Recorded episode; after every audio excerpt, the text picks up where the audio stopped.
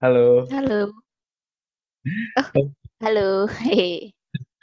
Oke, eee, nah, selamat datang di ruang publik, anjay. Nah, eee, di sini sih?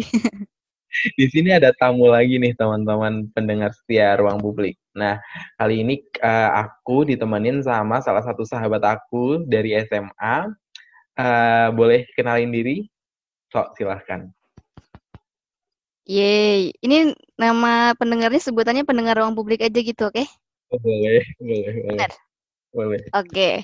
Halo teman-teman pendengar ruang publik, kenalin, nama aku Tabita Rafiola Bunga Inezuara, biasa dipanggil Unge. Aku mahasiswi Antropologi Budaya, Fakultas Ilmu Budaya, Universitas Gadjah Mada, gitu. Ih, oke, Bunge, lama banget ya kita nggak ketemu. Setahun nggak sih, Jod? 2 tahun? Setahun, deng. Setahun, ya Allah, alay banget 2 tahun. Kapan, eee, pas liburan itu ya tetepan kita terakhir ketemu? Eh, iya, pas kamu mau ke Bandung kan aku samperin ke stasiun.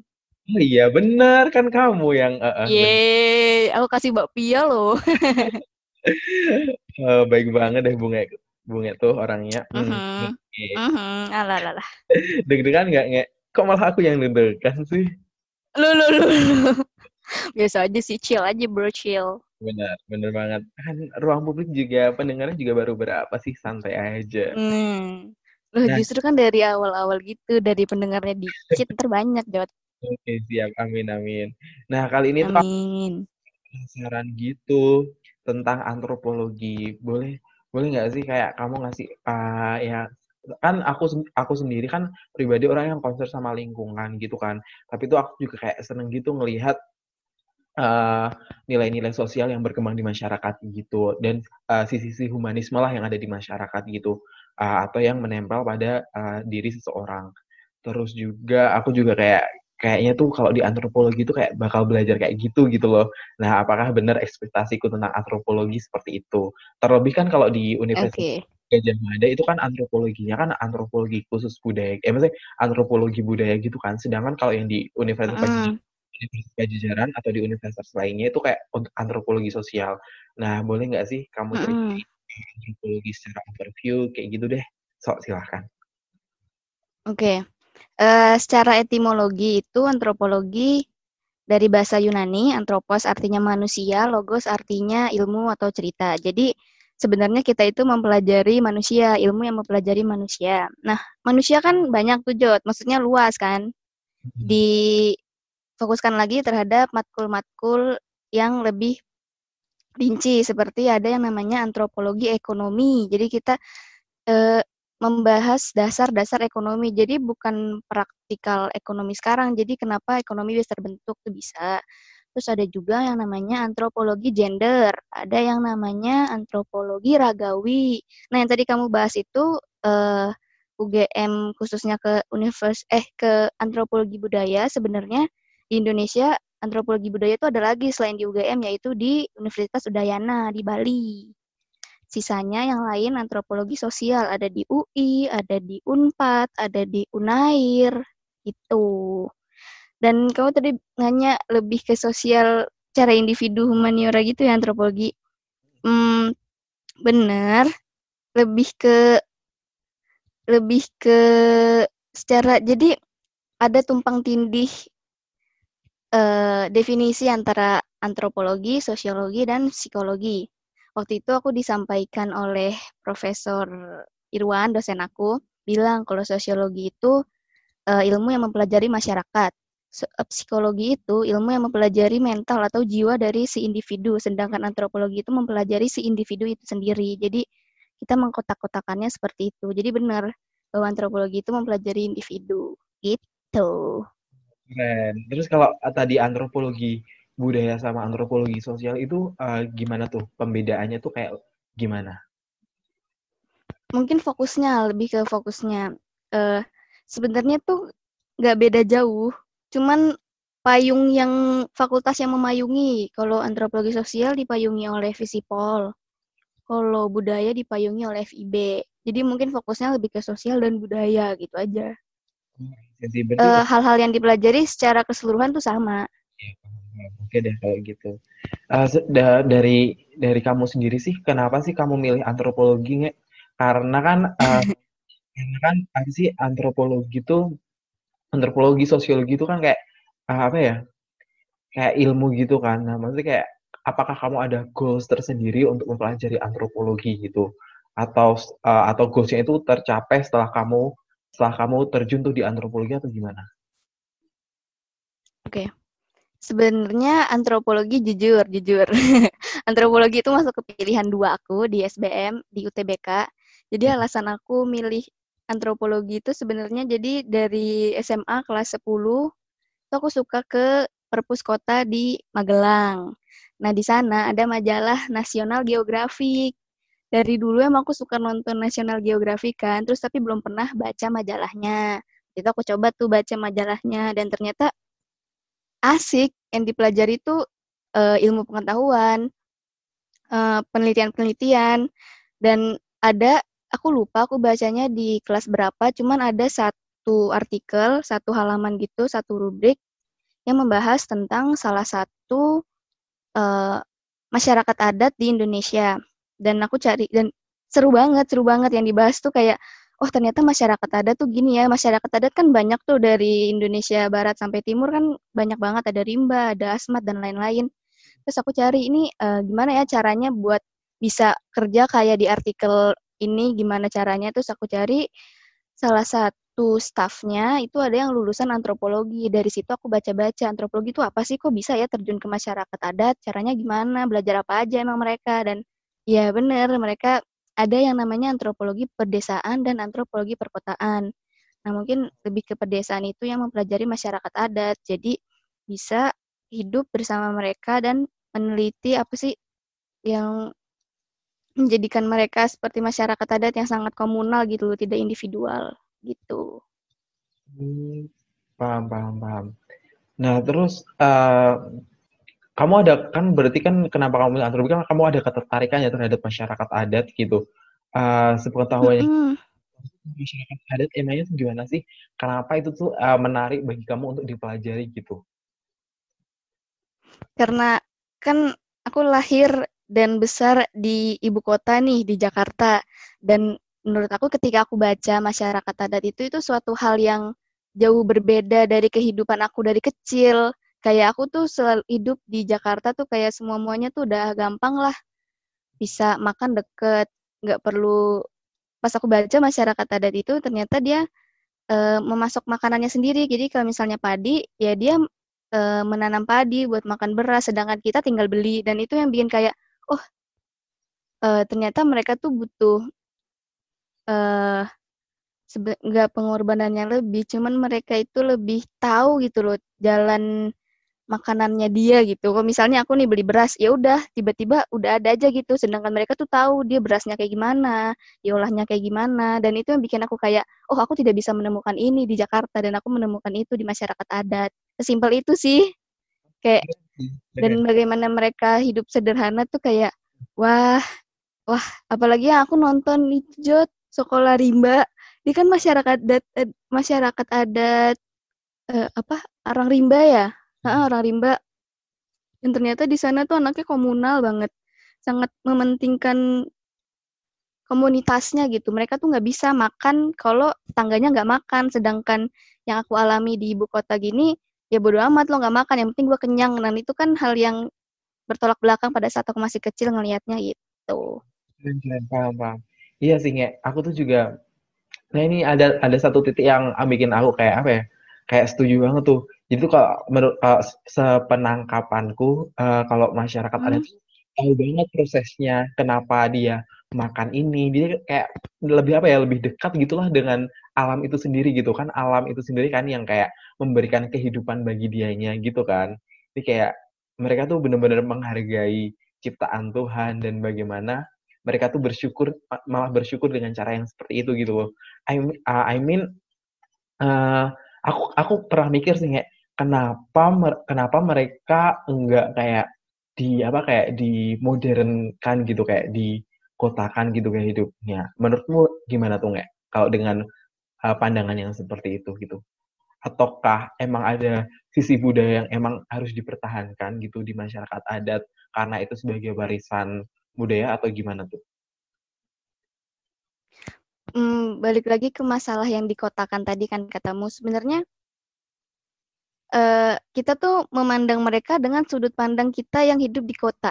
Padahal mereka fine-fine aja dengan hidup kayak gitu. Kita memandangnya kayak, ih kasihan ya mereka uh, misal nggak pakai baju, ih kasihan ya mereka nggak bisa makan, misal nggak bisa makan steak atau apalah yang lagi ngetren gitu. Padahal mereka hidup aman, hidup nyaman dengan dengan ya gaya hidupnya mereka memang kayak gitu. Jadi kita harus membedah lagi cara pandang kita memandang mereka gitu.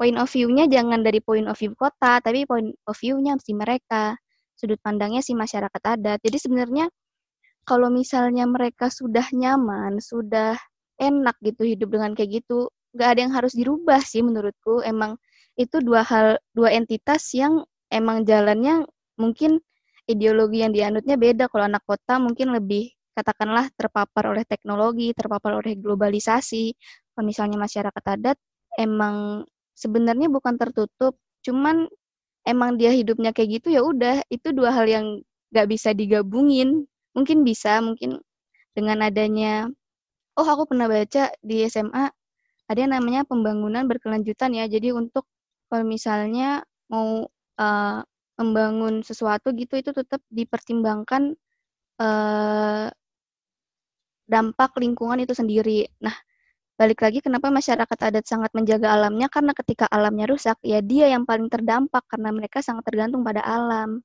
Itu masuk.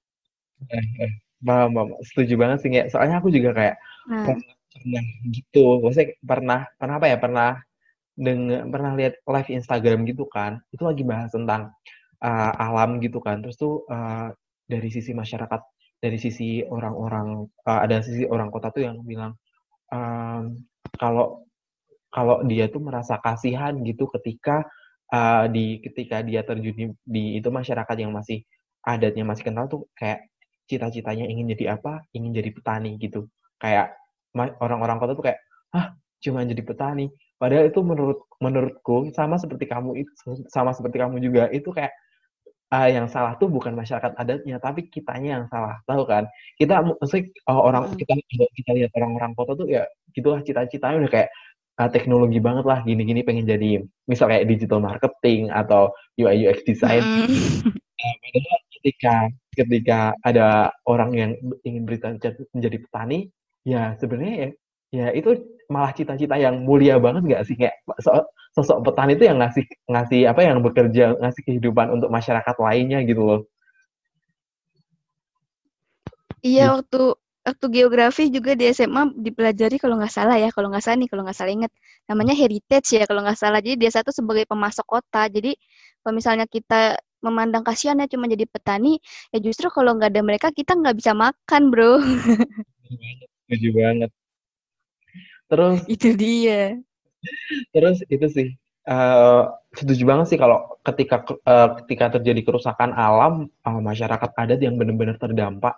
Ya karena ya sebenarnya orang yang uh, apa sih yang benar-benar hidupnya bergantung pada alam dan dia yang benar-benar merawat alam itu malah masyarakat adat itu sendiri gitu loh. Sedangkan kita orang-orang kota tuh lebih banyak mengeksploitasi mengeksploitasi gitu nggak sih Iya, waktu itu aku pernah ngambil Jod, pernah ngambil, uh, semester lalu, semester 2 ini pernah ngambil etnografi Papua dan ternyata hutan-hutan di sana tuh udah banyak yang habis oleh kelapa sawit. Dan kayak padahal eh, maksudnya itu yang ngambil kelapa sawit kan perusahaan-perusahaan di kota ya, dan itu pasti akan berdampak besar terhadap kehidupan kota juga. Karena pemasok-pemasoknya lahan-lahannya tuh udah habis sama sawit, gitu. Wow, oke. Okay. banget gak sih, John? Iya, benar-benar. Uh, terus uh, kalau dari Oh iya, kan kamu nonton Sekolah Rimba kan? Aku juga nonton hmm. juga sih beberapa udah udah agak lama sih. Ya nggak sih, baru tiga bulan yang lalu. Eh kalau nggak salah, iya tiga bulan yang lalu. Nah di situ tuh kan kalau Sekolah Rimba itu kan mengangkat isu tentang pendidikan gitu kan di anak-anak rimba. Gimana gimana tuh uh, gimana caranya agar anak-anak rimba itu mendapatkan pengetahuan yang cukup untuk mereka tahu? Uh, kan kalau orang-orang kota kan sering kan kayak minta izin buat kayak uh, lahannya lahan-lahan yang ditempatin masyarakat rimba itu tuh kayak di apa ya di minta izin untuk apa dieksploitasi gitulah. Uh, tapi kan uh, kebanyakan masyarakat rimba itu sendiri juga kayak kurang paham apa yang ditawarkan oleh orang-orang kota ini yang tiba-tiba datang ke ke tempatnya mereka gitu. Nah terus uh, di di situ juga di sekolah rimba kayak kayak mereka tuh berjuang untuk hak hak hidup mereka tuh bener-bener apa ya bener-bener dijaga gitu lah. Nah kalau dari kamu sendiri tuh mengenai dari film sekolah rimba apa sih yang kamu dapetin dari film itu? Uh, salah satunya yang bikin aku aku tuh misalnya belajar itu berangkat dari kemarahan. Selalu gitu pokoknya marah-marah dulu baru belajar. Jadi yang aku lihat di situ ternyata uh, dibandingkan di buku di bukunya juga kan dari Butet Manurung uh, ada kutipan yang bilang bahwa mereka orang rimba ketika diajak ke kota gitu ke orang terang mereka nyebutnya yaitu orang yang tidak yang hidupnya tidak di bawah pohon. Soalnya orang rimba kan hidupnya di bawah pohon ya jadi gelap nah mereka menyebut orang kota sebagai orang terang. Jadi mereka pernah lihat gitu ke suatu sekolah SD lah SD uh, ada satpam yang lagi nyebrangin orang SD nah orang rimba itu tuh bilang kayak loh bukannya mereka itu berpendidikan ya? Kenapa seberang aja harus diseberangin? Emang mereka nggak diajarin buat nyebrang? Dan itu yang bikin aku kayak oh iya bener juga ya. Kayak aku tuh tertampar gitu loh Jod sebagai orang yang besar di kota. Oh iya aku baru bisa nyebrang aja mungkin SMP padahal mereka-mereka ini yang dari rimba itu bisa manjat pohon bisa tahu gimana caranya kalau ada beruang tiba-tiba bisa tahu gimana caranya mengobati ketika digigit oleh ular maksudnya kita tuh harusnya uh, dididik dengan pendidikan yang berasal yang dinamakan oleh pendidikan kontekstual yaitu yang ber, uh, berdasarkan konteksnya. Jadi misalnya orang rimba diajarkan misal digital marketing gitu misal nih. Lah kan mereka nggak butuh untuk kehidupan mereka, mereka tuh hanya butuh untuk survive di alam gimana caranya gak digigit ular, gimana caranya kalau ketemu harimau itu kita harus berbuat apa itu harus diajarkan. Jadi ilmu-ilmu pengetahuan lokal seperti itu. Dan oh iya, Aku juga ingat ada satu lain yang bilang bahwa kalau matahari tenggelam itu katanya dimakan oleh monster. Nah, si Butet Manurung ini bilang, wah kamu tuh bodoh, mana ada uh, matahari dimakan oleh monster. Orang matahari itu tenggelam gara-gara bumi ini berotasi, tapi mereka ini uh, mereka ini gak pengetahuan lokalnya itu mengajarkan bahwa matahari ini dimakan oleh monster dan ya udah biarkan seperti itu toh tidak merugikan sesama. Maksudnya pengetahuan lokal juga memang harus dilanggengkan gitu, harus dilestarikan. Itu. Seru sih sebenarnya kalau sekolah rimba apalagi Butet Manurung emang dah idolaku. Oke, keren sih emang. Iya, iya, iya, paham. Nah, pendidikan kontekstual yang kamu maksud tuh sebenarnya yang kayak apa sih, Nge? Uh, menurutmu apakah pendidikan yang yang ya apa sih yang kayak yang udah diterapin pemerintah nih selama bertahun-tahun apakah sudah kontekstual dan apakah itu tuh emang benar-benar yang kita butuhkan gitu atau atau gimana sebenarnya dari kalau dari pan, sudut pandangmu uh, pendidikan kontekstual menurutku yang aku butuhkan gitu. Misal aku SMA aku jujur SMA tuh kan nggak bagus-bagus amat lah. Nggak uh, bukan anak yang achievementnya bagus gitu biasa aja. Karena aku ngerasa apalagi kelas 11 aku ngerasa tuh aku mendapatkan apa gitu. 11 tahun sekolah tuh aku nggak ada yang bisa aku terapkan. Ya bisa ada. Paling mungkin tidak sampai 50% apa yang aku pelajari di sekolah aku terapkan di kehidupan nyata gitu selama 11 tahun. Akhirnya di kelas 11 ini aku bener-bener males banget sekolah. Kayak apa sih aku nggak dapet apa-apa kok dari sekolah? Buat apa aku sekolah? Aku tuh sempet pemikiran kayak gitu. Nah semenjak aku kuliah ternyata dosen ketemu dosen-dosen yang memang ahli di bidangnya itu uh, mereka bilang bahwa pendidikan itu harusnya membebaskan gitu. Terus aku mikir, oh iya bener juga, bahkan kita tuh sudah terperangkap, kita tuh sudah diatur dalam sejak dalam pikiran gitu. Kita tuh tidak dibiarkan untuk berdiri atas kaki sendiri, tidak dibiarkan untuk menyuarakan apa yang apa yang menurut kita itu jalan hidup kita gitu. Jadi kita cuman disuruh enggak, kita tuh disuruh telan gitu, hanya menelan, menelan, menelan ilmu tanpa mengunyah. Ini balik ke pendidikan kritis ya harusnya bukan pendidikan konseptual tapi bisa cuman nyerempet nyerempet situ jadinya sebenarnya aku marah gitu loh jadi kalau ngomongin pendidikan ah oke okay. Iya, okay. sebenarnya dulu aku juga kayak concern gitu sih ke pendidikan. Waktu itu apalagi aku marah banget ketika kurikulum kurikulum gitulah atau pergantian kurikulum kan angkatannya kita kan itu kan kayak ganti-ganti kurikulum terus kayak buku-bukunya juga kayak yang mm -mm. Eh, iya bener banget. Aku sempat marah karena waktu itu uh, gara-gara menteri pendidik pendidikannya ganti, kurikulumnya tuh ganti. I mean di situ kan aku ngelihat kurikulum itu sendiri kayak hanya sebuah program kerja gitu loh, bukan kayak yang disusun, yang diterapin, emang ingin kayak di achieve buat uh, untuk mendidik apa sih putra putri Indonesia ini biar kayak biar kayak uh, apa sih bisa menjadi pionir lah ke depannya. Tapi itu kayak ini tuh kayak kayak uh, sistemnya kayak masih digonta-ganti. Terus apalagi aku paling sebel tuh ketika buku cetaknya tuh direvisi berkali-kali. Terus itu kayak waduh anggarannya gede banget ya buat kayak uh, terus kan kebanyakan buku-buku itu kan kayak ya udah hasil buku yang uh, karena udah ada buku revisi yang baru terus akhirnya buku yang itu kayak ya udah kayak nggak tahu tuh di, di kemanain aku lihat kalau, kalau di perpustakaan SMA ya udah kayak didiemin aja gitu di di gudangnya gitu jadi kayak marah banget sih di situ kayak wow ini satu satu sekolah buku yang numpuk nggak nggak ada gunanya karena muncul revisi baru tuh se, sebanyak ini belum lagi berapa sekolah gitu yang ada di kota Magelang terus di berapa sekolah yang ada di Indonesia tuh kayak wow, se sebercanda itukah pemerintah kita menyusun sistem pendidikan gitu. Dan menurutku kalau misal kita ngomong-ngomong pendidikan kontekstual, menurutku ya nggak sekontekstual itu. Toh nyatanya kamu sendiri sebagai seorang siswa merasa uh, nggak ada gunanya gitu loh belajar sebelas tahun. Pun aku juga kayak, aku kalau aku pribadi juga kayak sama beberapa pelajaran yang aku dapetin di sekolah juga kayak nggak ada gunanya gitu loh. Maksudnya kayak aku nggak nggak nggak nggak nggak pertama aku nggak suka nggak ada di nggak ada nggak ada pilihan lah buat aku untuk memilih mata pelajaran yang aku suka dan malah kayak ditekan dengan mata pelajaran yang benar-benar aku nggak suka misalnya aku contoh kimia sampai sekarang tiga tahun belajar kimia di SMA tuh aku kayak nggak nggak ngerti apa-apa gitu loh tentang reaksi kimia gitu tau tuh nggak? Bener-bener nggak bisa. Dan menurutku kayak bener sih kita tuh kayak dari awal udah kayak di, dikasih perangkap gitu udah kayak terperangkap gitu mau nggak mau. Dan uh, apa sih kayak jengkel aja gitu aja sih sama-sama ngerasa jengkel aja sih sebenarnya. Nah, uh, menurut menurutmu uh, kalau yang uh, di sekolah rimba itu tuh apakah mereka udah punya akses tuh buat ke pendidikan kontekstual? Kita ngomong di yang masyarakat rimba dulu aja ya. Karena mungkin masyarakat rimba itu kan kalau akses pendidikan emang kayak susah gitu. Kalau menurutmu sendiri kan Indonesia punya banyak punya banyak banget suku tuh. Nah, apakah mereka sudah mendapatkan akses pendidikan yang baik atau belum nggak?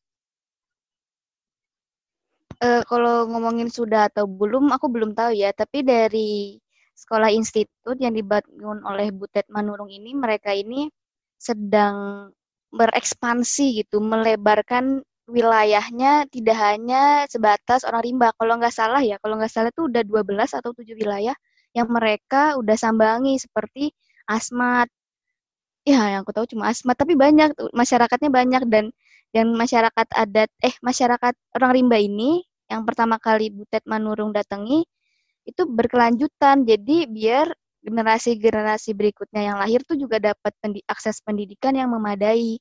Waktu itu Butet Manurung kalau nggak salah pertama kali ke Rimba itu tahun 99 kalau nggak salah. Dan aku ngikutin kan di IG-nya itu sekolah institut.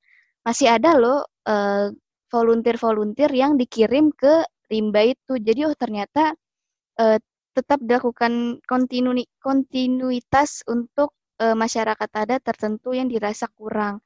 Jadi mungkin nah justru itu aku jadi pengen banget bangun semacam sekolah institut atau aku pengen jadi bagian dari sekolah institut biar biar hidup bareng sama masyarakat adat dan sedikit gitulah berkontribusi di pendidikan yang awalnya aku sebelin ini aku nggak nggak suka lah sama pendidikan yang aku bahkan nggak tahu gunanya untuk apa di beberapa mata pelajaran kayak gitu dan aku setuju sih Jod sama yang buku-buku tadi kayak berapa pohon yang kita tebang untuk buku-buku itu dan tahun berikutnya buku-buku itu udah nggak dipakai kalau nggak salah kita tiap tahun ganti kurikulum nggak sih pas SMA itu aku emang marah banget kayak Nah, ini nih buat lingkungan juga nggak bagus gitu loh. Ih, ah, jadi sebel kan.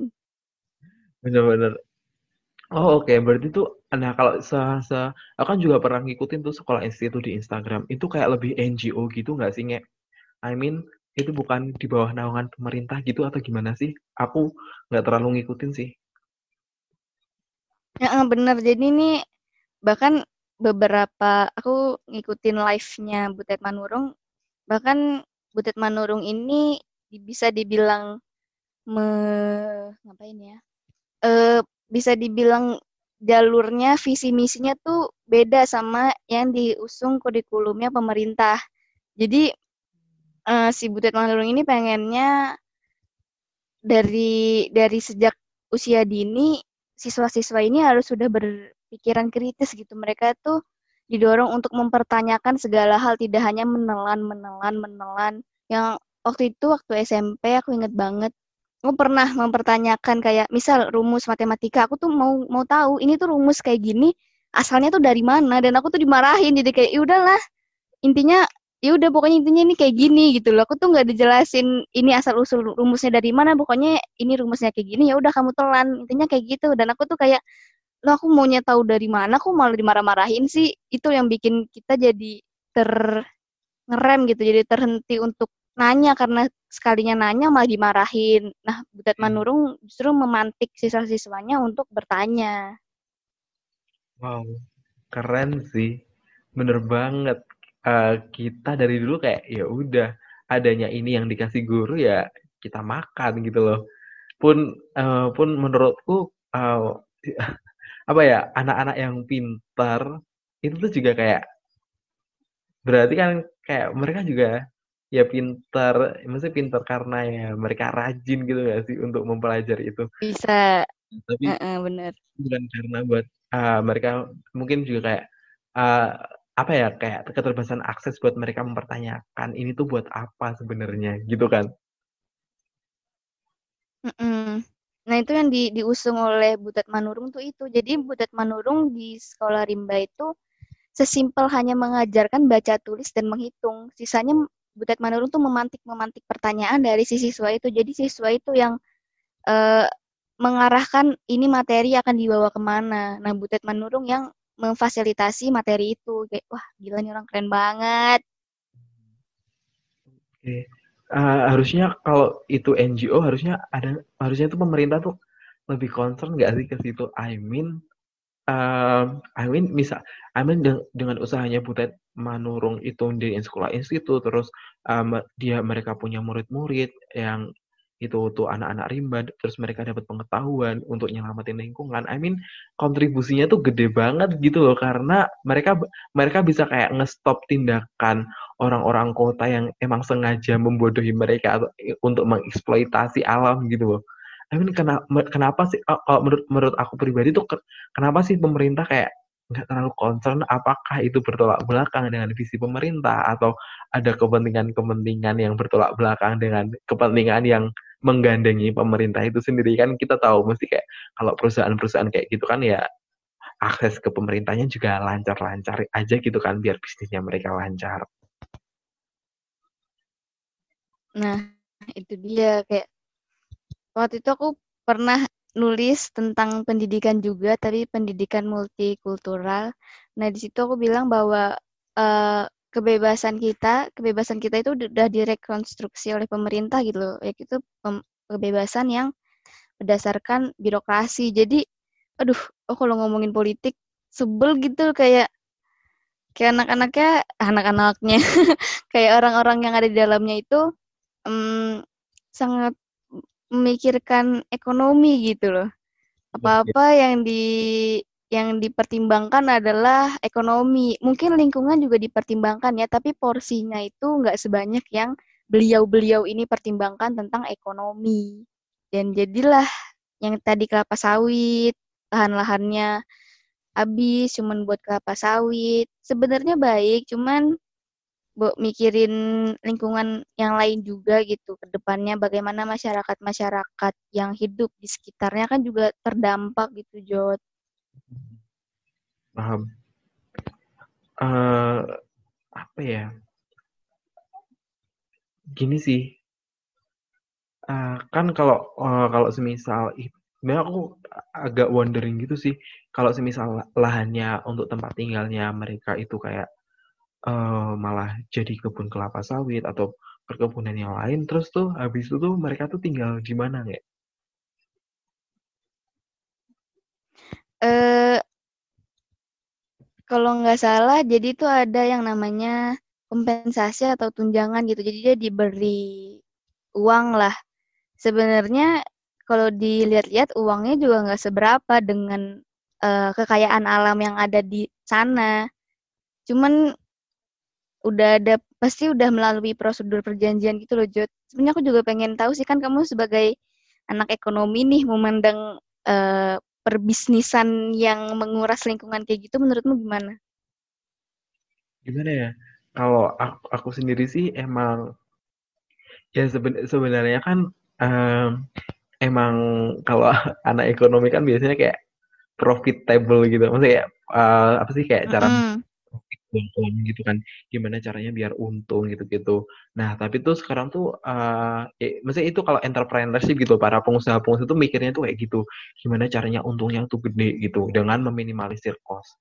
Nah nah sekarang tuh ada model bisnis baru sih, kayak namanya tuh social entrepreneurship gitu. Jadi tuh di situ tuh kita juga nggak nggak nggak mementingkan uh, uangnya saja, tapi itu juga dampak sosial yang ditimbulkan gitu dengan adanya bisnis yang kita jalankan.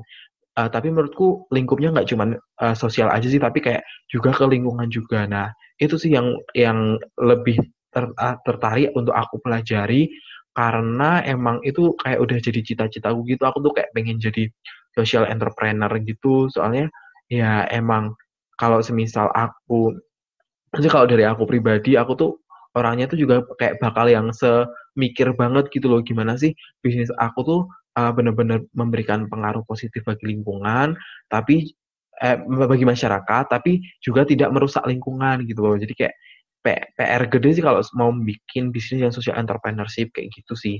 Dan kalau dari pandanganku ya pengusaha-pengusaha yang terdahulu atau yang saat yang saat-saat ini berkuasa itu kayak cara mikirnya ya masih kebanyakan kayak gitu, gimana caranya untung untung gede gitu. Jadi kayak susah banget untuk untuk di untuk di apa ya, untuk di-reach, untuk kayak menyadarkan mereka dan mungkin mereka bakal sadar kalau, uh, dari behavior konsumennya juga berubah gitu. Kalau semisal para konsumennya kita udah kayak sadar akan lingkungan, sadar akan dampak-dampak yang dihasilkan bisnis-bisnis yang tidak sehat, nah itu bakal nge-trigger mereka para pengusaha-pengusaha untuk menciptakan bisnis yang lebih lebih apa ya, lebih lebih bagus lagi lah model bisnisnya gitu nggak kalau kalau dari si bisnis itu kayak gitu sih menurut aku. Jadi kayak perlu banget kerja apa ya, kerja apa kerja sama seluruh konsumen untuk kayak uh, mengubah behaviornya mereka dari yang tidak peduli menjadi lebih peduli kayak gitu sih itu kayak bakal nge-trigger penguasa penguasa penguasa dan pengusaha-pengusaha gitu buat kayak sadar juga ikut sadar juga gitu loh agar yang mereka lakukan itu nggak nggak melulu tentang uang tapi juga uh, keber, keberlangsungan alam itu sendiri gitu loh dengan adanya bisnis mereka seperti itu. Berarti sebenarnya yang, yang harus dibenahi itu banyak banget ya Jod. Maksudnya berawal dari konsumen dulu baru ke uh, ranah-ranah produksinya gitu. Itu konsumen toh nggak hanya satu dua orang gitu itu menyangkut banyak jiwa satu jutaan orang nggak sih ya kalau secara nasional. Maksudnya itu satu hal yang sangat complicated ya Jod iya benar Soal, soalnya juga uh, ya dari itu kalau dari sisi ekonomi juga uh, kalau semisal nih uh, si konsumennya masih kayak nyaman-nyaman saja dengan keadaan saat ini, kan ya berarti uangnya mereka tetap ah lancar terus kayak masih aman gitu kan. Jadi kayak ngapain harus dirubah gitu loh. Mungkin mungkin pemikirannya para pengusaha itu kayak gitu. Tapi kecuali uh, uh, in case ada pengusaha yang udah kayak bener-bener sadar dan dia mau nggak mau uh, bikin bikin upaya agar model bisnisnya tuh dirubah gitu loh dari dari yang sebelumnya kayak gitu sih nggak itu dari kalau dari segi ekonomi Nah, uh, balik lagi nih seru ya? ya seru seru-seru agak agak jahat gitu dan gimana caranya kita menjadi baik gitu di di tengah apa pemikiran-pemikiran jahat gitu. Nah, mungkin balik lagi nih ke hmm. itu ke kalau kamu sendiri se seberapa menurut se, uh, bukti seperti apa sih yang nunjukin kalau sebenarnya itu sistem pendidikan kita tuh emang kayak dibuat udah kayak disetting sedemikian rupa agar kita tuh menjadi seseorang yang tidak kritis gitu. Seba kalau kamu sendiri dari experience-mu tuh kayak apa? Uh, bukti. Mungkin selama selama SMA ya ini aku tuh ngerasa kita tuh dicetak untuk sebagai employee gitu, cetak sebagai uh, yang bekerja di bawah perusahaan tertentu, tidak dicetak untuk menjadi sebuah produsen yang menghasilkan sesuatu yang menghasilkan lapangan kerja tertentu. Jadi hmm, dari hal-hal yang kayak gitu, jadi kita tuh udah dituntut untuk manut terhadap atasan, kita udah dituntut untuk uh, mengamini segala hal yang dilontarkan oleh orang yang lebih berkuasa dan itu yang bikin orang-orang kebanyakan jadi uh, manut kesannya. Jadi oke okay, yes man lah iya iya aja gitu kalau di kalau dibilangin. Nggak ada uh, pertentangan. Sebenarnya baik cuman kalau lama kelamaan tuh jadi menumpulkan rasa kritis menumpulkan eh, pikiran-pikiran yang sebenarnya tuh bisa mengubah lebih baik gitu loh caranya. Jadi nggak kayak gini. Itu yang bikin aku kayak sistem pendidikan Indonesia emang mencetak siswanya untuk menjadi employee deh kayaknya. Dan aku mulai ngerasa dibebaskan ketika kuliah sih. Jadi ketika kuliah tuh aku ngerasa ya udah apa pun ideologi lo, apa pun pemikiran lo, kalau menurut lo itu benar dan tidak merugikan orang lain ya go with it aja. Itu. Keren keren. Paham. Berarti kamu kayak lebih ngerasa seterbuka itu ketika ketika kamu kuliah gitu ya? Maksudnya didukung oleh dosen-dosen, didukung oleh teman-teman yang juga ternyata, oh sepemikiran, maksudnya aku jadi mikir, oh aku nggak sendiri loh yang mikirnya kayak gini, ternyata teman-temanku juga memiliki visi dan misi yang sama untuk sebenarnya tidak untuk merombak, cuman untuk lebih memperbaiki pendidikan lah, jadi lebih kritis dimulai dari dini, nggak hanya pas kuliah aja. Oke, keren keren. Nah, ngo, ngo, tapi kalau aku mau ngomongin tentang alam nih, uh, kayak hmm. terjadi gap yang gede banget gak sih? I mean, orang-orang rimba tuh kayak bener-bener menggantungkan diri pada alam. Ketika alam itu rusak, mereka jadi kayak merasa dirugikan banget gitu. Karena ya untuk makan, untuk untuk aktivitas lainnya, mereka kayak jadi keganggu gitu karena alamnya rusak. Dan mereka tuh bener-bener menjaga banget kan habitat-habitat uh, yang ada di alam. Nah, sedangkan kita tuh masyarakat kota tuh terlalu yang kayak dibuai dengan teknologi yang ada gitu. Nah, kamu ngerasa nggak sih kalau uh, konektivitas orang-orang kota ya anggap anggap aja lah orang-orang kota tuh kayak udah mulai terputus gitu dengan alam gitu. Uh, dan aku uh, ya menurutmu gimana? Apakah emang itu aku, aku ngeras aku ngerasanya tuh bener atau kamu juga ngerasain atau gimana? Sebenarnya untuk uh, untuk terputus dengan alam tidak seterputus itu karena kamu sadar nggak sih Jod di Instagram story-story orang atau influencer lah ya katakan influencer itu banyak loh yang udah bikin perkebunan hidroponik ya kalau nggak salah namanya yang di yang di teras-terasnya gitu dan ternyata oh manusia tuh akan kembali lagi ke alam gitu loh gimana pun caranya. Salah satunya dengan adanya pandemi ini jadi orang-orang uh, di karantina di rumah pada mungkin pada bosan dan mencari kesibukan lain toh baliknya ke alam kan karena emang kita tuh bilong bilong kita tuh bilong to nature gitu kita tuh berasal dari alam dan pasti akan kembali ke alam tuh bukan cuman kalimat yang busuk gitu nggak cuman kalimat yang bullshit tapi itu emang benar adanya di diimplementasikan dengan adanya dengan maraknya perkebunan-perkebunan hidroponik sekarang. Kamu ikut hidroponik gak, Jad? Aku tertarik. Karena aku emang konser konser ke lingkungan gitu aku tertarik.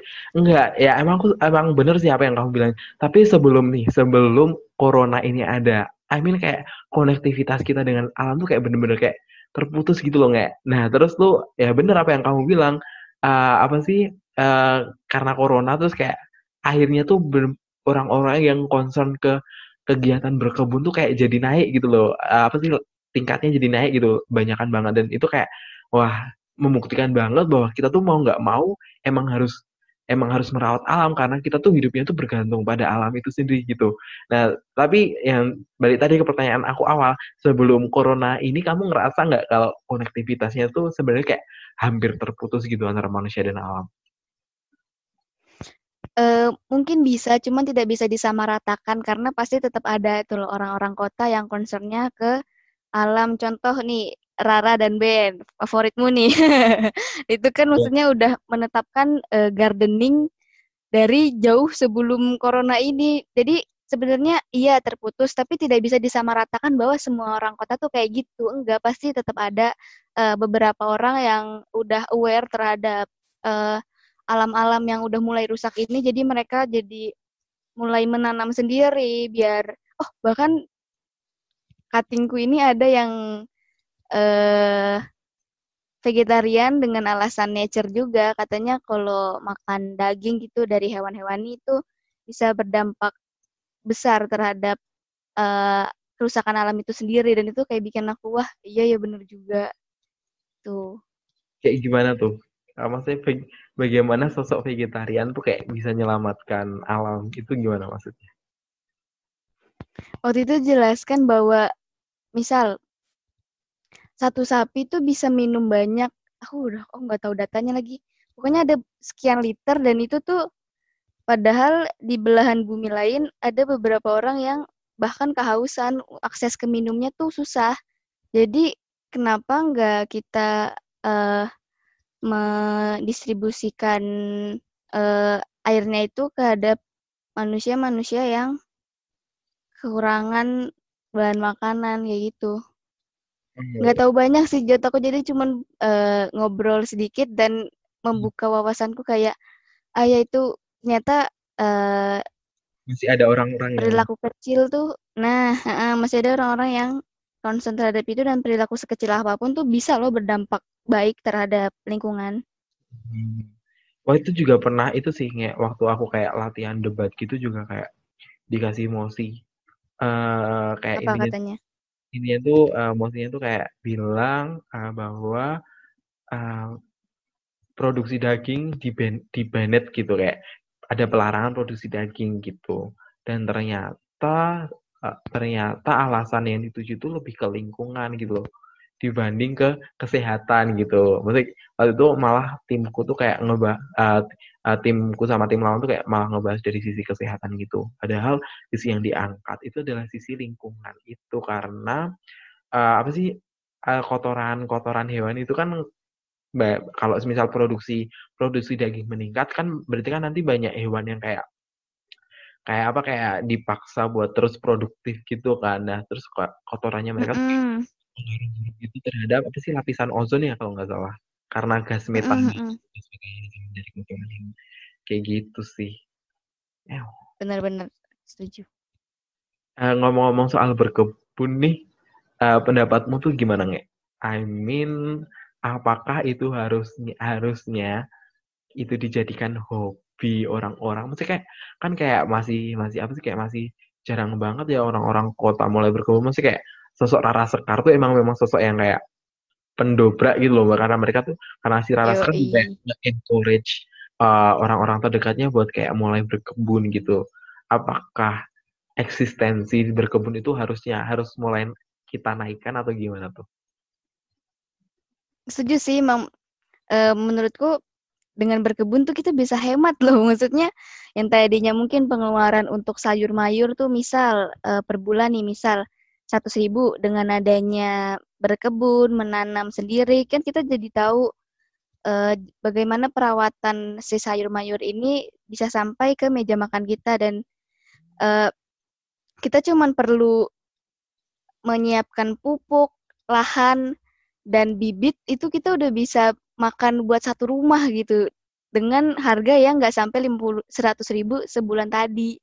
Maksudnya e, dari segi ekonomi tuh bisa hemat itu sebagai anak kos ya Jod nih. Jadi lebih oh bisa menekan pengeluaran dan mm, dialokasikan ke tempat yang eh ke tempat ke pengeluaran yang lebih dipentingkan gitu diprioritaskan. Tuh. Menurutmu gimana seru gak? Maksudnya Iya, seru. Harus gak berkebun tuh? Nah, menurutku iya sih. Dan kamu sadar nggak sih, sebenarnya ada nilai-nilai humanisme yang diangkat dari kegiatan berkebun. Kalau dari Rara Sekar tuh kayak pernah bilang gitu. Bilang apa dia? Maksudnya humanismenya kayak apa tuh? Ya, ketika kita berkebun kan kita nggak mungkin tuh berkebunnya berbagai banyak jenisnya gitu. Uh, mungkin kita ber mm. mungkin kita berkebunnya tomat gitu. Terus tetangga kita uh, berkebunnya cabai gitu. Nah, nilai humanisnya ya ketika kita kita panen ya kita kayak bisa kayak barter gitu terus kayak dari situ kan kalau misal masyarakat kalau ini di apa kegiatan berkebun ini di diimplementasikan di masyarakat kota kan itu uh, di uh, antar antar sesama tetangga itu kan kayak lebih bagus lagi hubungannya gitu keharmonisasinya kan kita tahu kalau masyarakat kota kayak yang uh, bisa dikatakan seindividualis itu gitulah di mata di mata di mata kita itu dan dengan adanya mereka berkebun mereka kayak bisa menjalin komunikasi yang baik gitu loh Oh, jadi lebih ini ya, reconnecting lagi terhadap tetangga tetangga-tetangga sekitar dengan adanya berkebun yang jenisnya beda-beda. Eh, seru sih aku pengen deh ntar kalau udah gede, ah, cielah udah gede. Bener banget, dan nggak cuman terhubung lagi dengan alam, tapi kita terhubung lagi dengan uh, kehidupan sosial kita gitu loh. Pun pun juga uh, sekarang kan dengan adanya sistem lima hari kerja kan uh, apa sih uh, para pekerja terutama PNS kan mereka juga punya waktu Sabtu Minggu gitu loh. Mereka yang mungkin untuk meluangkan untuk berkebun kah atau yaitu saling um, bertegur sapa dengan tetangga-tetangganya gitu loh. Kecuali mungkin yang kayak uh, yang kerja di swasta atau yang berwirausaha mungkin uh, kehidupan uh, cara caranya mereka berkebun agak lebih susah gitu ya. Mereka jadwalnya juga kayak menyesuaikan gitu. Maksudnya coba kalau misalnya satu keluarga gitu bikin kebun ya nggak usah banyak-banyak lah mungkin di halaman mereka dan ada 100 orang yang berperilaku sama itu bisa membuka ini enggak sih ruang hijau gitu Jod di kota maksudnya bisa hmm. jadi mereduksi polusi-polusi udara gitu kalau semua orang mikirnya kayak gitu. Banget. Eh nggak btw kamu sekarang tuh lagi di mana? Di Jakarta.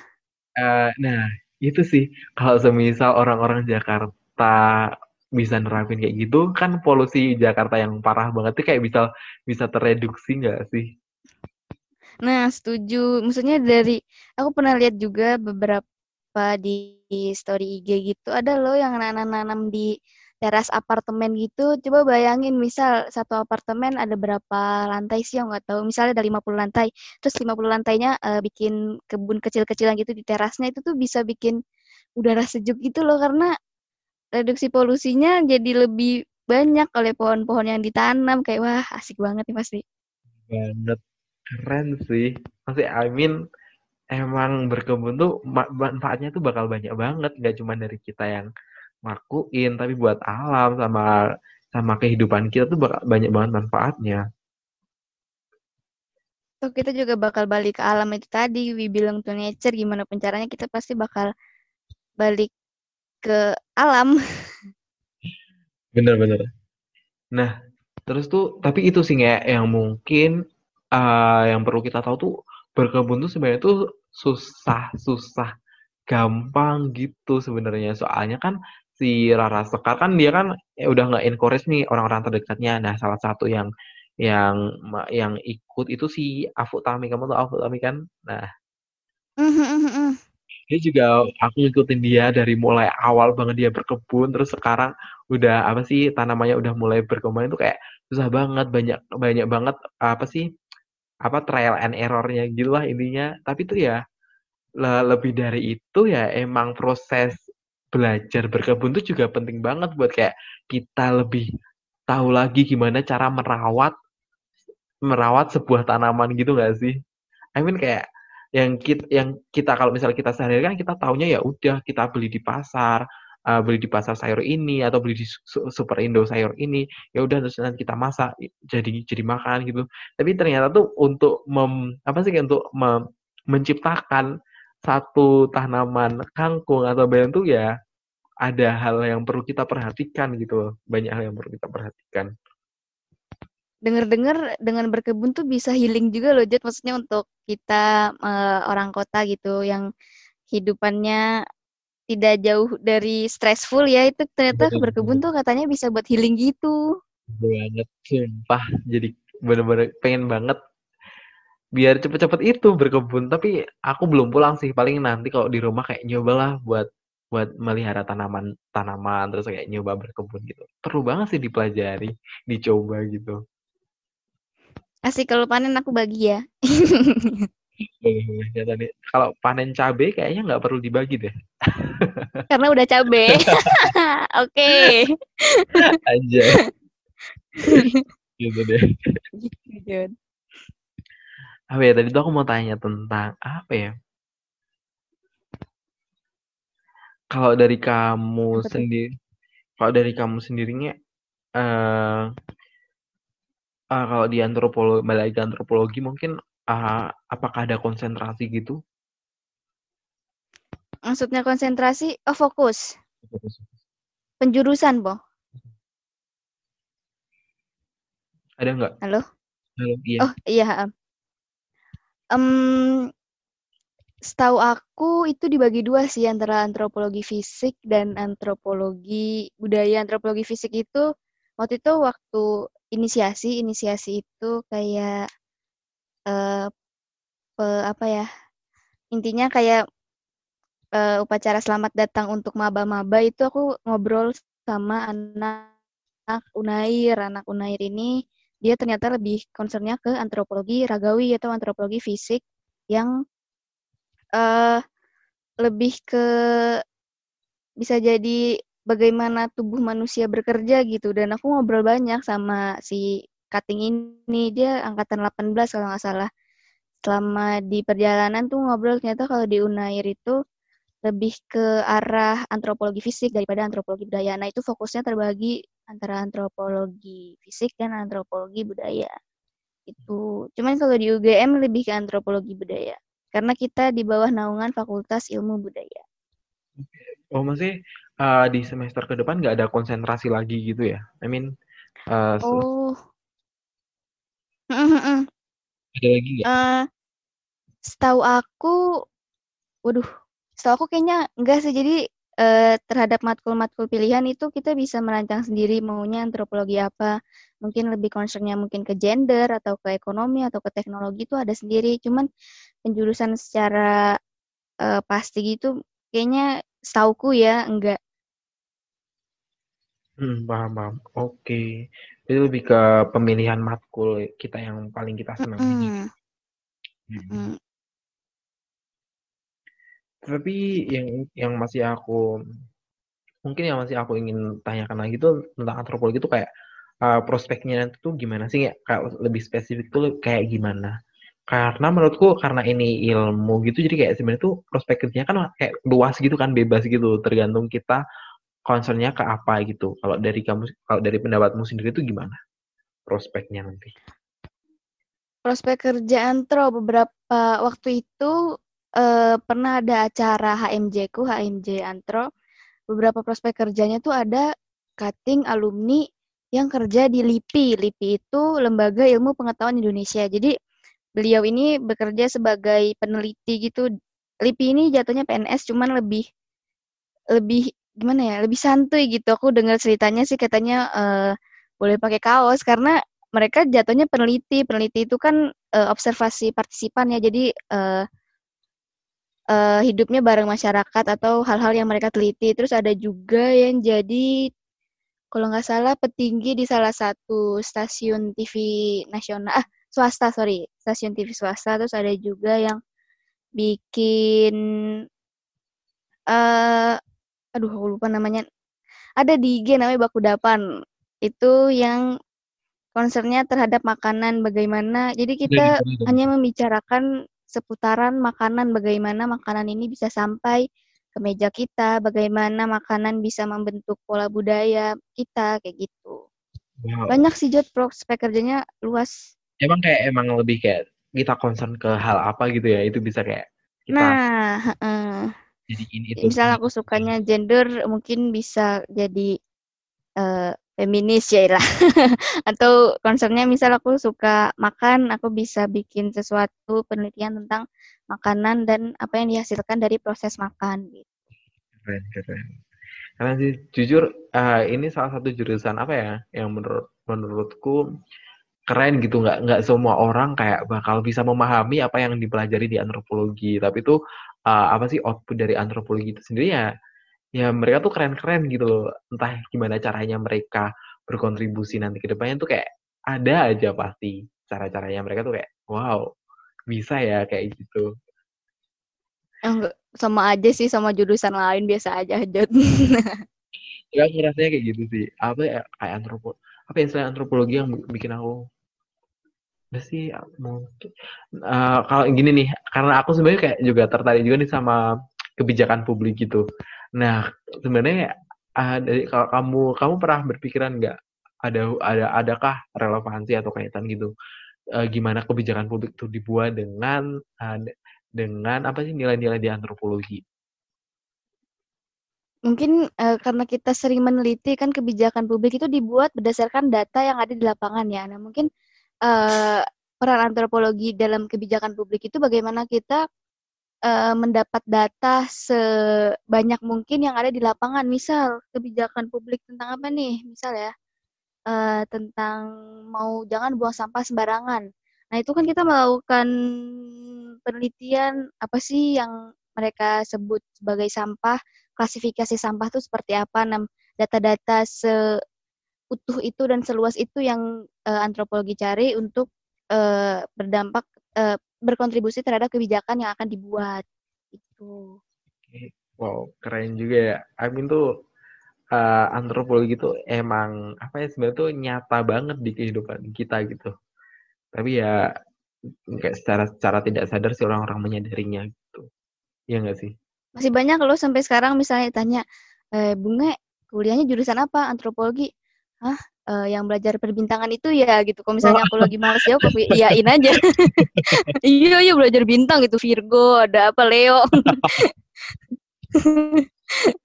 biar okay. seru, biar seru. Oke, okay, tapi kalau ya nih, kalau dari experience kamu selain kayak gitu gimana tuh? Maksudnya kayak tanggapan orang awam terhadap antropologi itu masih kayak seperti apa? Mungkin di sini kita kayak bisa kayak lebih kayak kasih ngasih pencerahan dikit lah sebenarnya antropologi itu gimana gitu uh, dari experience kebanyakan pernah orang waktu itu juga jat lagi uh, lagi kumpul nggak kumpul waktu itu pas lagi pandemi kita teleponan gitu bareng-bareng sama teman-teman SMA terus tanya kamu jurusan apa nih antropologi. Terus dia bilang kan oh antropologi belajar perbintangan ya kan aku yain kan terus pada ketawa-tawa terus pada bilang serius nggak serius? Antropologi itu belajar apa? Terus aku jelasin tuh antropologi um, belajar manusia bla bla bla bla bla. Terus dia terus orang-orang tuh pada hening kayak oh manusia ya manusia yang kayak gimana nge malah jadi kayak aduh gimana ya jelasinnya ya? Jadi apa ya eh uh, miskonsepsi apa gimana lah nggak ngerti. Jadi aku jadi kalau misalnya ada orang nanya gitu aku ya yain aja males jelasinnya. Aku juga paham sendiri. Oke.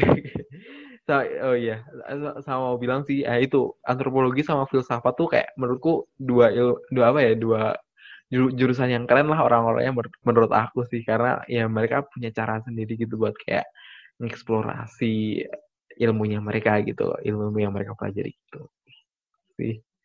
Hmm antropologi. Tapi kalau kamu sih kalau kamu pribadi gitu orangnya concern ke apa sih? Eh uh, aku lebih suka uh, suka isu-isu konflik lingkungan juga gender dikit sih. Masih masih belajar belum bisa ngapa-ngapain. Masih semuanya masih belajar lingkungan sama konflik. Ah dan anak dan remaja.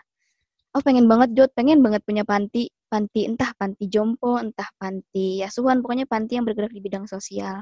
Jadi concernku lebih ke arah bagaimana konflik itu bisa terjadi. Konflik apa pun ya dan bagaimana um, uh, biar konflik itu mereda gitu. Nggak terus-terusan tegang kayak gitu. Oh keren keren. Semoga kesampaian banget ya itu. Amin ya Allah. Ini kenapa sih ingin bikin panti? Amin goals apa sih yang sebenarnya kamu set gitu?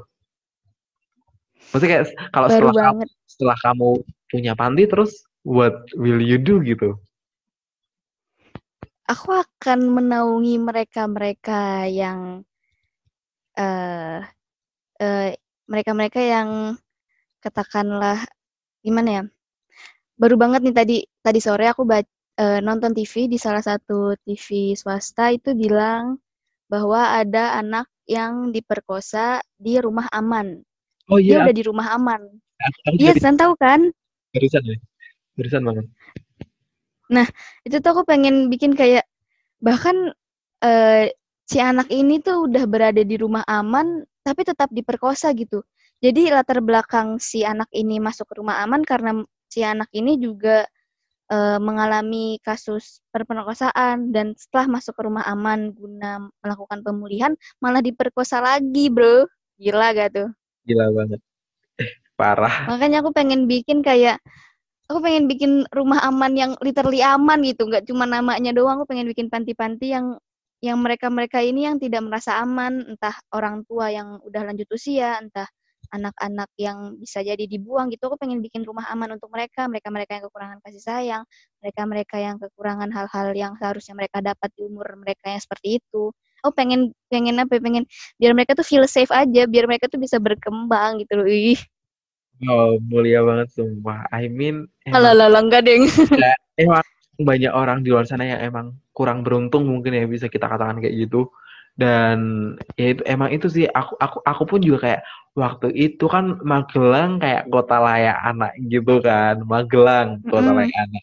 Nah itu kayak di kita di jalan tuh kayak masih nemu gitu anak-anak yang kayak yang kayak nggak hidupnya kurang kurang layak gitu lah maksudnya I mean di usia yang di usia yang kayak gitu tuh kita tuh harusnya tuh kayak yang yang dapat mak makan dengan gizi yang cukup terus juga uh, kita dapat pendidikan yang cukup gitu untuk me, me, apa sih mewadahi ke, ketidaktahuan kita terhadap dunia dunia ini gitu loh tapi tuh kayak mereka tuh kayak ya harus mau nggak mau hidup kayak gitu gitu loh I mean Nah, aku pengen mewadahi mewadahi mereka itu hmm. biar uh, biar mereka fokus belajar aja lah uh, mengejar apa pun yang mereka cita-citakan gitu. Ya Allah, sedih.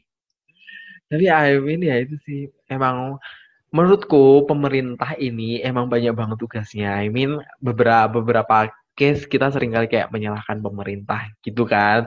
Tapi itu juga sebenarnya itu pemerintah tuh juga butuh tangan-tangan kita masyarakat kita yang eh yang peduli gitu I mean ya, yang menurut yang emang bener-bener peduli gitu buat uh, bantuin lah uh, apa sih uh, apa sih tangan-tangan pemerintah yang nggak sampai ngeraih mereka gitu ini menurutku emang perlu masih masih perlu banyak dibutuhkan orang baik orang yang peduli gitu deh untuk kayak bikin kehidupan kita tuh kayak lebih lebih apa ya lebih indah gitulah lebih bermakna.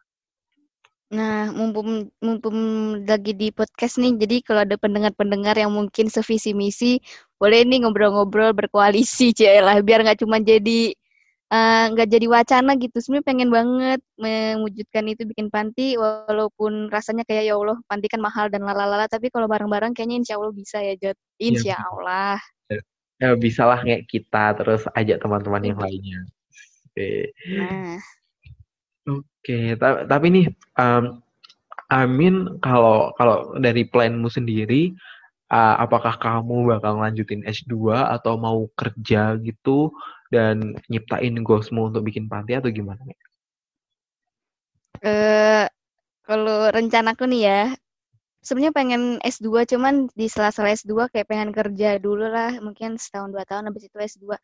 Pengen hmm. sampai S banyak lah, nggak tahu ada S berapa, pokoknya aku pengen sampai S banyak biar biar uh, kayaknya aku masih banyak aku masih nggak tahu banyak hal gitu aku pengen tahu aku pengen tahu banyak hal dan aku tuh I have no idea about everything gitu. Aku harus aku harus belajar tinggi tinggi tinggi tinggi. Teman ya namanya rencana ya berencana aja dulu. Pengen banget aja S2 keluar gitu. Banyak di support sama kating-kating juga. Banyak yang kayak gitu. Dosen-dosen yang kayak gitu. Jadi kayak terdorong untuk kayak gitu juga. Wah, wow, keren sih. Menurutku uh, pun uh, apa sih?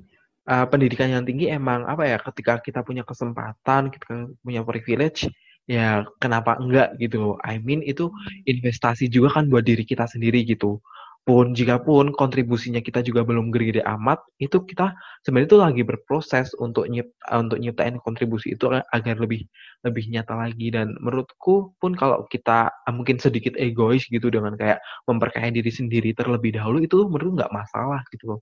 Karena dengan begitu kita bakal lebih uh, terbuka lagi jala jalannya itu bakal lebih banyak lagi pilihan-pilihan yang bisa kita apa ya bisa kita realisasikan, bisa kita ciptakan lagi gitu buat ya itu buat berkontribusi lagi ke ke negara kita atau ke masyarakat gitu. Itu dia menurut aku. Maksudnya kayak that's apa ya plannya udah bagus banget sih kayak menurut aku. Ya ya udah nanti uh, tinggal tinggal apa sih kayak sesuai jalan takdir aja gitu. Di bawah waduh amin. Berat nih Jod berat. Sebenarnya aku kadang mikir kayak ya Allah jauh banget. Aku pengen banget S2 di mungkin Inggris mungkin aku pengen banget kayak tapi itu untuk saat ini kayak anjir aku bikin esai bahasa Inggris aja belepotan gitu. Gimana aku bisa mau belajar ke sana? Itu tuh angan-angan yang jauh banget buat aku. Cuman ah ya udahlah bermimpi aja dulu. Bermimpi ini gratis kok ya gak sih? Bener banget. Emang semua tuh dimulai dari mimpi gak sih? Mimpi yang kita sebut Asik. setiap hari gitu. Terus eh tiba-tiba jadi nyata. Kan kita nggak tahu. Nah aku juga kayak ya udahlah ya udahlah yang penting pokoknya aku setiap hari kalau bercanda sama temen iya nanti kita S2 di misalnya New Zealand ya nanti kita sekos ya. Itu tuh cuman hayal-hayalan tapi ya siapa tahu berapa tahun lagi jadi gitu kan. Amin. Oke, okay. uh, eh, kalau di antropologi kan waktu itu kamu pernah kan kayak kayak apa sih ke apa sih kayak ke desa gitu. Terus kayak sebenarnya what hmm, apa sih yang sedang kamu TPL kayak itulah coba boleh nggak kayak di-explain lebih detail gitu. Apakah itu dari bagian dari mata kuliah yang sedang kamu pelajari atau gimana? Terus uh, yang kamu lakuin di desa itu tuh apa apa uh, apa sih apa aja sih yang kamu lakuin terus kayak goalsnya tuh apa gitu? Iya, jadi di antropologi UGM itu uh, transisi dari semester 1 ke semester 2 biasanya bulan Januari itu akan diadakan eh, namanya TPL, Tim Peneliti Lapangan. Jadi kita akan hidup biasanya di Pekalongan, di Petung Kriono itu suatu kecamatan gitu di dataran tinggi Pekalongan. Jadi kita memang eh, melakukan penelitian di sana setiap tahun. Waktu itu aku mengusung eh, temanya tentang oh tentang ini eh, berpakaian bagaimana cara berpakaian masyarakat di Petung Kriono khususnya di dusun Totogan di situ uh, dapat apa ya transisi dari zaman ke zaman gaya berpakaian mereka. Cuman pada saat itu data aku nggak dapat banyak sih, cuman ya cukup dapat beberapa insight tentang jadinya aku menelitinya organisasi sosial di sana namanya saya aku lupa jot namanya eh aduh aku lupa banget ya pokoknya intinya tentang kayak Karan Taruna itu gimana eh, Karan Taruna di sana dapat menginisiasi acara-acara yang ada di sana gitu deh. Wow.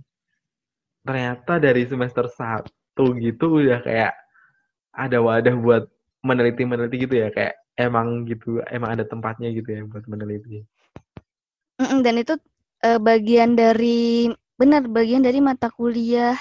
Semester berapa ya? Aduh semester jauh kalau kalau nggak salah semester lima ke atas. Aku lupa semester berapa itu ada satu matkul yang disuruh nulis. Nah jadi kita mengambil datanya dari penelitian itu di diwadahi oleh HMJ Antro gitu. Mantap mantap. Keren juga ya. Uh, kalau uh, misalnya kalau dari segi antropologi itu sebenarnya kayak biasanya pertanyaan-pertanyaan di waktu dilontarkan ketika di, di penelitian tuh kayak apa sih nggak yang kayak biasanya ditanyain. Mesti kayak kan misal nih uh, kalau di ekonomi kan biasanya kayak penelitian tentang kayak uh, konsumsi masyarakat gitu terhadap suatu hal. Ini contohnya salah satu contoh aja. Gitu. Kan kita kan biasanya menanyakan berapa pengeluaran anda? Berapa uang yang anda sisihkan untuk ini untuk itu gitu Nah, kalau antropologi itu ketika melakukan penelitian di antropologi itu kayak pertanyaan itu kayak uh, modelnya itu kayak kayak apa sih yang kayak antropologi banget gitu? ada juga loh pertanyaan yang sama kayak gitu uh, tentang pengeluaran itu mungkin concernnya lebih ke antropologi ekonomi. Jadi pertanyaan-pertanyaan dilontarkan itu tergantung kamu meneliti apa. Kalau misalnya kamu meneliti tentang bagaimana uh, pengelolaan keuangan oleh masyarakat yang ada di Petung Kriono pada saat itu, itu pertanyaannya persis sama yang apa yang kamu contohkan tadi. Jadi sebenarnya nggak ada yang pasti gitu, nggak ada yang exact. Jadi uh, benar-benar tergantung kamu ingin meneliti apa, kamu ingin mengetahui, kamu ingin mengorek apa gitu dari sisi masyarakat di Petung Kriyono ini. Ya, berarti ya berarti uh, sebenarnya sama aja gitu ya tergantung apa yang diteliti gitu terus nah.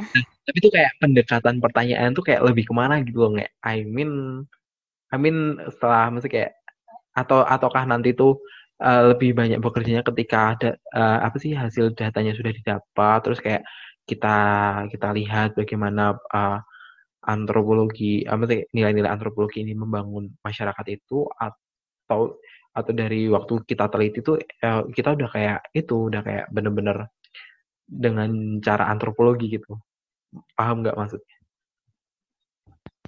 atau kalau dari uh, mungkin apa pertanyaannya itu lebih bersifat mengorek gitu, mengorek. Jadi yeah. Iya. uh, data kebanyakan data-data yang diambil itu data-data yang kita dapatkan ketika kita uh, jadi obrolan tongkrongan gitu. Misal kayak gini, Jod, kita lagi nongkrong lah di mana di kafe apa. Itu kan misalnya kita udah nyaman satu sama lain. Jadi uh, uh, kepercayaan kita tuh udah kebangun kan lama-lama orang pasti akan berbicara uh, seluas mungkin apa yang sedang mereka hadapi gitu. Nah, antropologi berperan di situ. Jadi kita lebih ke um, mengolah datanya dari obrolan-obrolan warung lah bisa dikatakan kayak gitu. Nah dari situ kita mengolah data, oh ternyata uh, keluarga ini kayak gini kayak gini kayak gini itu kan nggak bisa didapat dari hanya wawancara yang formal ya, bisanya didapat dari obrolan-obrolan warung gitu. Nah, nah bener itu sih yang aku maksud.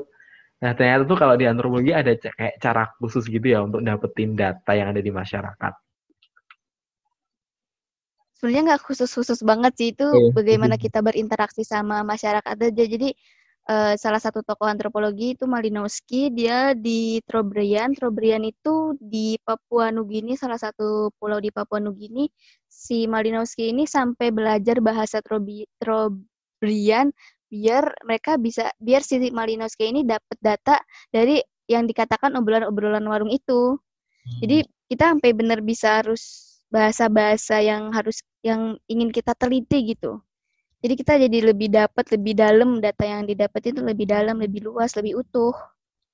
Keren sih ya. Soalnya setahu aku kalau yang di lingkup, maksudnya kalau di lingkup fakultasku ekonomi dan bisnis kayak bahkan uh, untuk mendapatkan data datanya kayak tersebar bebas gitu loh. Maksudnya kayak uh, kayak misal dat datanya kayak ya udah tinggal disebar aja di internet. Terus kayak nanti tinggal ngisi questionnaire tapi kan kita kan nggak nggak nggak dapetin tuh nilai-nilai yang kayak dari obrolan warung itu kayak nggak terlalu diperhatikan banget gitu loh. Tapi itu kalau di antropologi kan kayak itu malah kayak jadi sumber sumber banget gitu kan untuk mendapatkan data yang akurat. Kayak gitu sih nggak Hmm, jadi lebih uh, wawancara yang kita lakukan tuh tidak no tidak formal gitu. Jadi lebih ke yang uh, eksplisit eks, eh eksplisit implisit implisit gitu.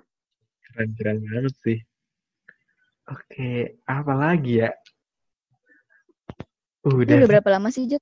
Gak tahu. Ya udahlah.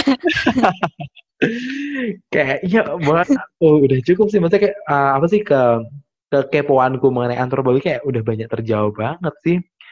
Keren sih keren banget loh kamu sendiri Tapi aku buta banget loh Jod sama ekonomi gitu. Kayak aku pengen tahu bagaimana sudut pandang ekonomi melihat melihat isu-isu yang antropologi bahas. Kayak wah apakah bertolak belakang? Apakah sama? Apakah bagaimana?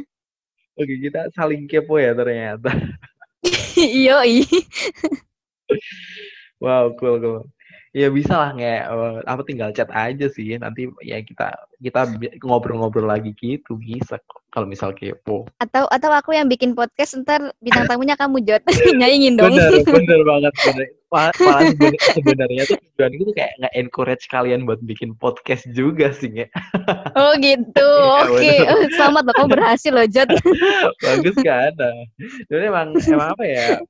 Emang kan apa karena ka, menurutku apa sih ya? Apa sih yang mau ngomong apa sih? Susah. Apa apa apa apa pie pie pie bro? Jadi semuanya karena aku kan dari dari komunitas podcast kampus jadi tuh ingin ingin apa ya? Kayak ingin kayak nyadarin ke teman-teman lain juga kalau podcast tuh semenyenangkan itu gitu sih.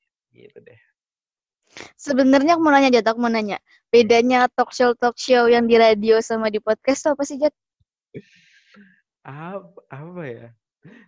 Mungkin dari perbedaan radio sama podcast itu sendiri ya. Bedanya tuh sebenarnya tuh kayak agak tipis banget sih bedanya. Bedanya tuh kalau radio tuh kayak ya udah sekali tayang, ya udah kayak nggak bisa didengerin lagi gitu loh nggak. Tapi kalau podcast tuh kapan pun itu tuh kayak masih bisa didengerin lagi gitu sih. Mungkin bedanya ada di situ dan mungkin kalau talk show, talk show di radio ya udah kan kebanyakan kok udah kalau misal talk show-nya udah selesai ya udah kita kayak nggak bisa dengerin lagi gitu kan kalau di radio. Nah, kalau di kalau di podcast tuh ada kesempatan buat kayak di replay terus menerus seperti itu gitu deh. Oke, besok aku bikin podcast. ya uh, tapi kemarin kemarin kan uh, tamu aku, aduh tamu aku. Asik, gaya bener. Padahal belum seberapa juga. Kemarin tamu aku sama Gak apa-apa, si Salma Azarin gitu kan. Nah, karena, karena waktu itu mm. emang udah direncanain banget ke si Salma Azarin karena karena sebelumnya kita udah kayak ngomong-ngomong tentang lingkungan dan dan dan aku sendiri kan orangnya concern banget ke lingkungan, terus kayak senang banget menggeluti menggeluti isu-isu lingkungan dan kayak ya udah sama Zari gitu. Nah, terus aku terus kamu karena waktu itu kita juga pernah bahas banyak hal gitu kan dan dan dan ternyata kayak aku masih kepo banget tentang antropologi ya. Dan ah, kamu deh masuk ke aku gitu deh. Eh bisa loh, kamu tuh kalau misalnya ngumpulin orang-orang yang konsepnya sama tuh kita bikin jod, bikin apalah, bikin aja dulu, sotoy aja dulu. Bener sih. Tapi itu ya itu sih kalau sama Azarin karena concernnya ke fashion, bisa-bisa sih sebenarnya aku juga concern ke fashion. Tapi ya aku aku belum aku kalau aku pribadi kayak belum siap sih untuk kayak yang karena karena pengen bikin bisnis gitu kan, bisnis yang ramah lingkungan dan fashion yang ramah lingkungan gitu. Kalau aku pribadi belum terlalu berani dan mungkin belum uh, masih masih apa ya masih ingin banyak belajar lagi gitu. Tapi kalau Salma menurutku udah kayak ready banget sih sebenarnya untuk untuk langsung start ya, si bisnisnya Salma karena kamu udah kayak udah kayak, ada modal yang cukup lah. Kalau aku tuh kayak masih belum berani gitu deh. Gitu. Ya, kalau tadi kamu concern ke apa nggak? Ke uh, antropologi oh, konflik, konflik, antropologi anak dan remaja, lingkungan juga. Okay. Lingkungan juga ya. pendidikan. Pendidikan. Kayak uh, sebenarnya ingin bahas lagi sih tentang pendidikan, tapi kayaknya ya kita tahu lah maksudnya kayak pendidikan Indonesia. Nah, kalau dari kamu sendiri pendidikan di Indonesia tuh kayak gimana sih, Nya? Kayak gimana gimana nih?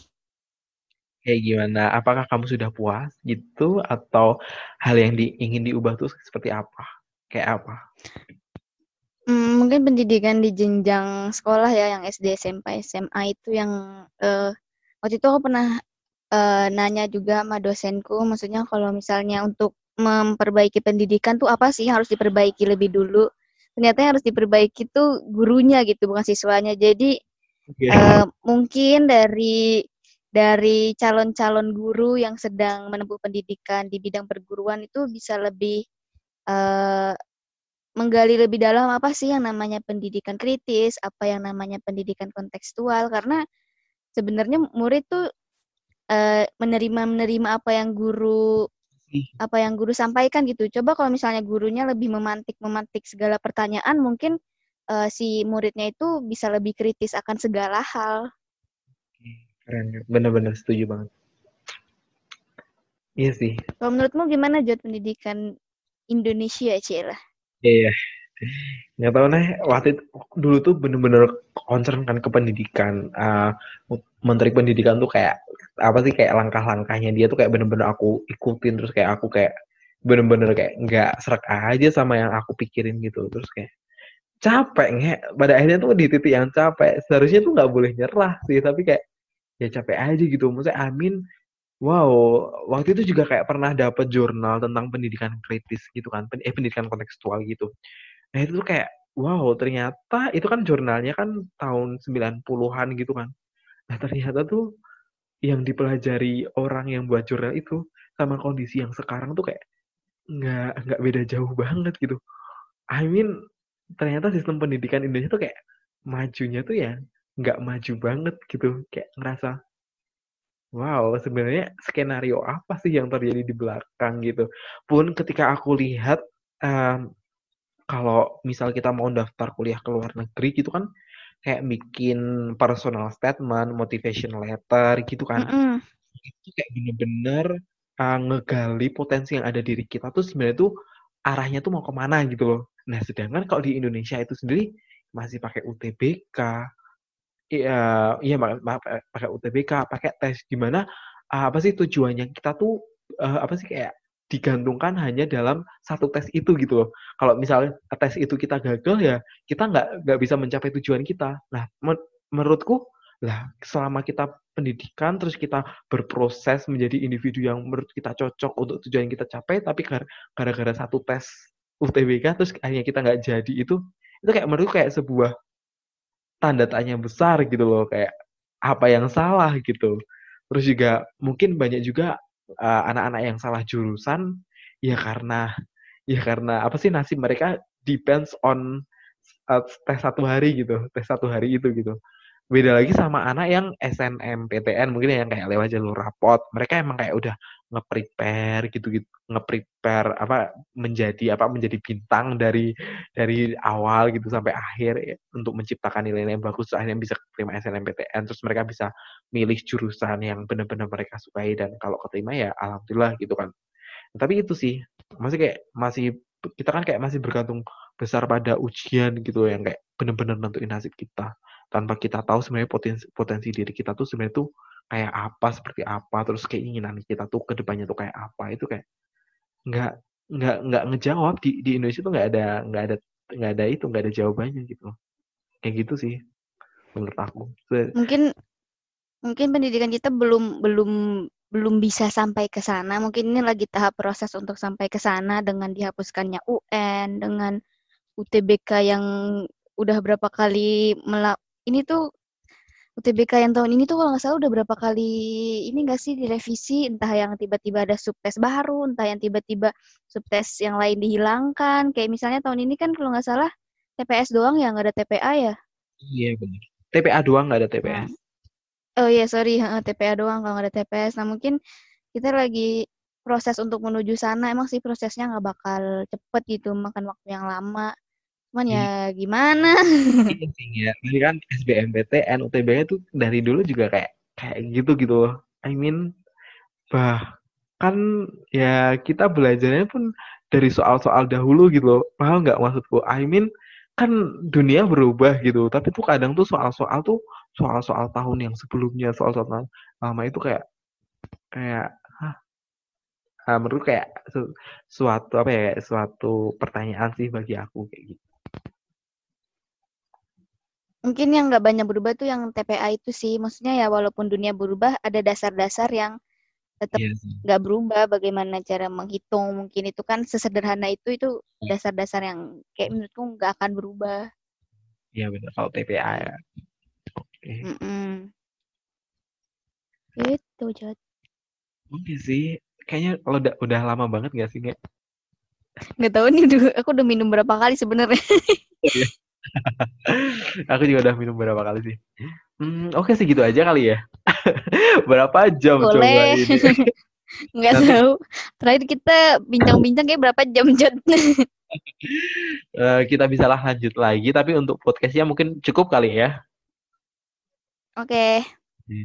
Nah, terima kasih nih buat teman-teman yang udah dengerin ya nggak tahu nih mereka dengerinnya sampai detik ini atau gimana ya kita emang ngomongin banyak hal dari antropologi, terus pendidikan, bahkan sampai berkebun. Ya, semoga ini kayak lebih ngebuka insight aku sama insight kamu juga sih nggak dan insight mm-hmm. para pendengar ruang publik pastinya. Gitu sih. Oke, itu aja mungkin uh, sampai jumpa. Ya nggak ya? Sampai jumpa nih. Oke, sampai jumpa teman-teman pendengar ruang publik. Nanti dengerin ya podcast aku baru. Oke, sampai jumpa di episode ruang publik selanjutnya. Dadah.